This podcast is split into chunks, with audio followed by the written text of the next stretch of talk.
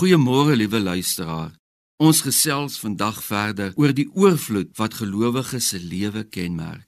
Ons weet dit gaan nie oor 'n oorvloed van materiële dinge nie, maar waarvan sal ons dan volgens die skrif 'n oorvloed hê?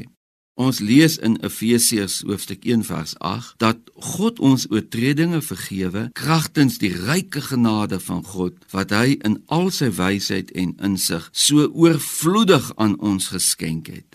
God skenk sy genade in oorvloed aan ons. Iemand het dit eendag so treffend gesê, naamlik dat God sprei sy genade uit soos 'n 5-jarige grondbootjie botter smeer. Dit is sommer oor alles. Dit is 'n pragtige beeld om God se oorvloedige genade te verduidelik. Maar wat beteken genade? Die woord genade kan ook vertaal word met goedheid of nog beter met onverdiende goedheid. Ons verdien nie God se genade nie. God gee dit sommer net verniet vir ons en dan doen hy dit sommer nog ook in oorvloedige mate. Dit bly moeilik vir ons om God se genade te begryp want ons leef in 'n wêreld waar ons betaal word vir wat ons doen. En by die winkel kry ons waarvoor ons betaal. Maar God se goedheid werk anders.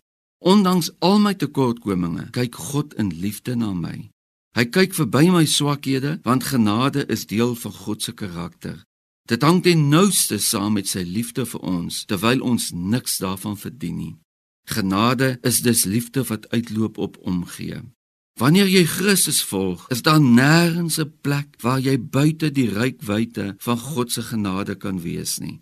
Daarom, liewe luisteraar, wil ek jou nooi om hierdie onbekende dag in te gaan met die sekerheid dat God se sorg en sy omgee jou vergesel waar jy ook al is. Sy liefdevolle omgee vir jou het geen begin en einde nie.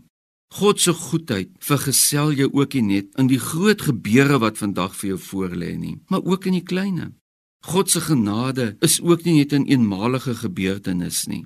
Dit is 'n konstante teenwoordigheid van God se liefde wat binne ons elke dag kan leef. Kom ons bid saam.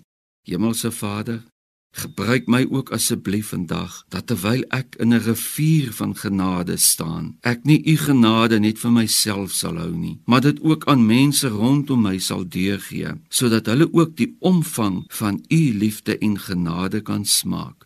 Amen.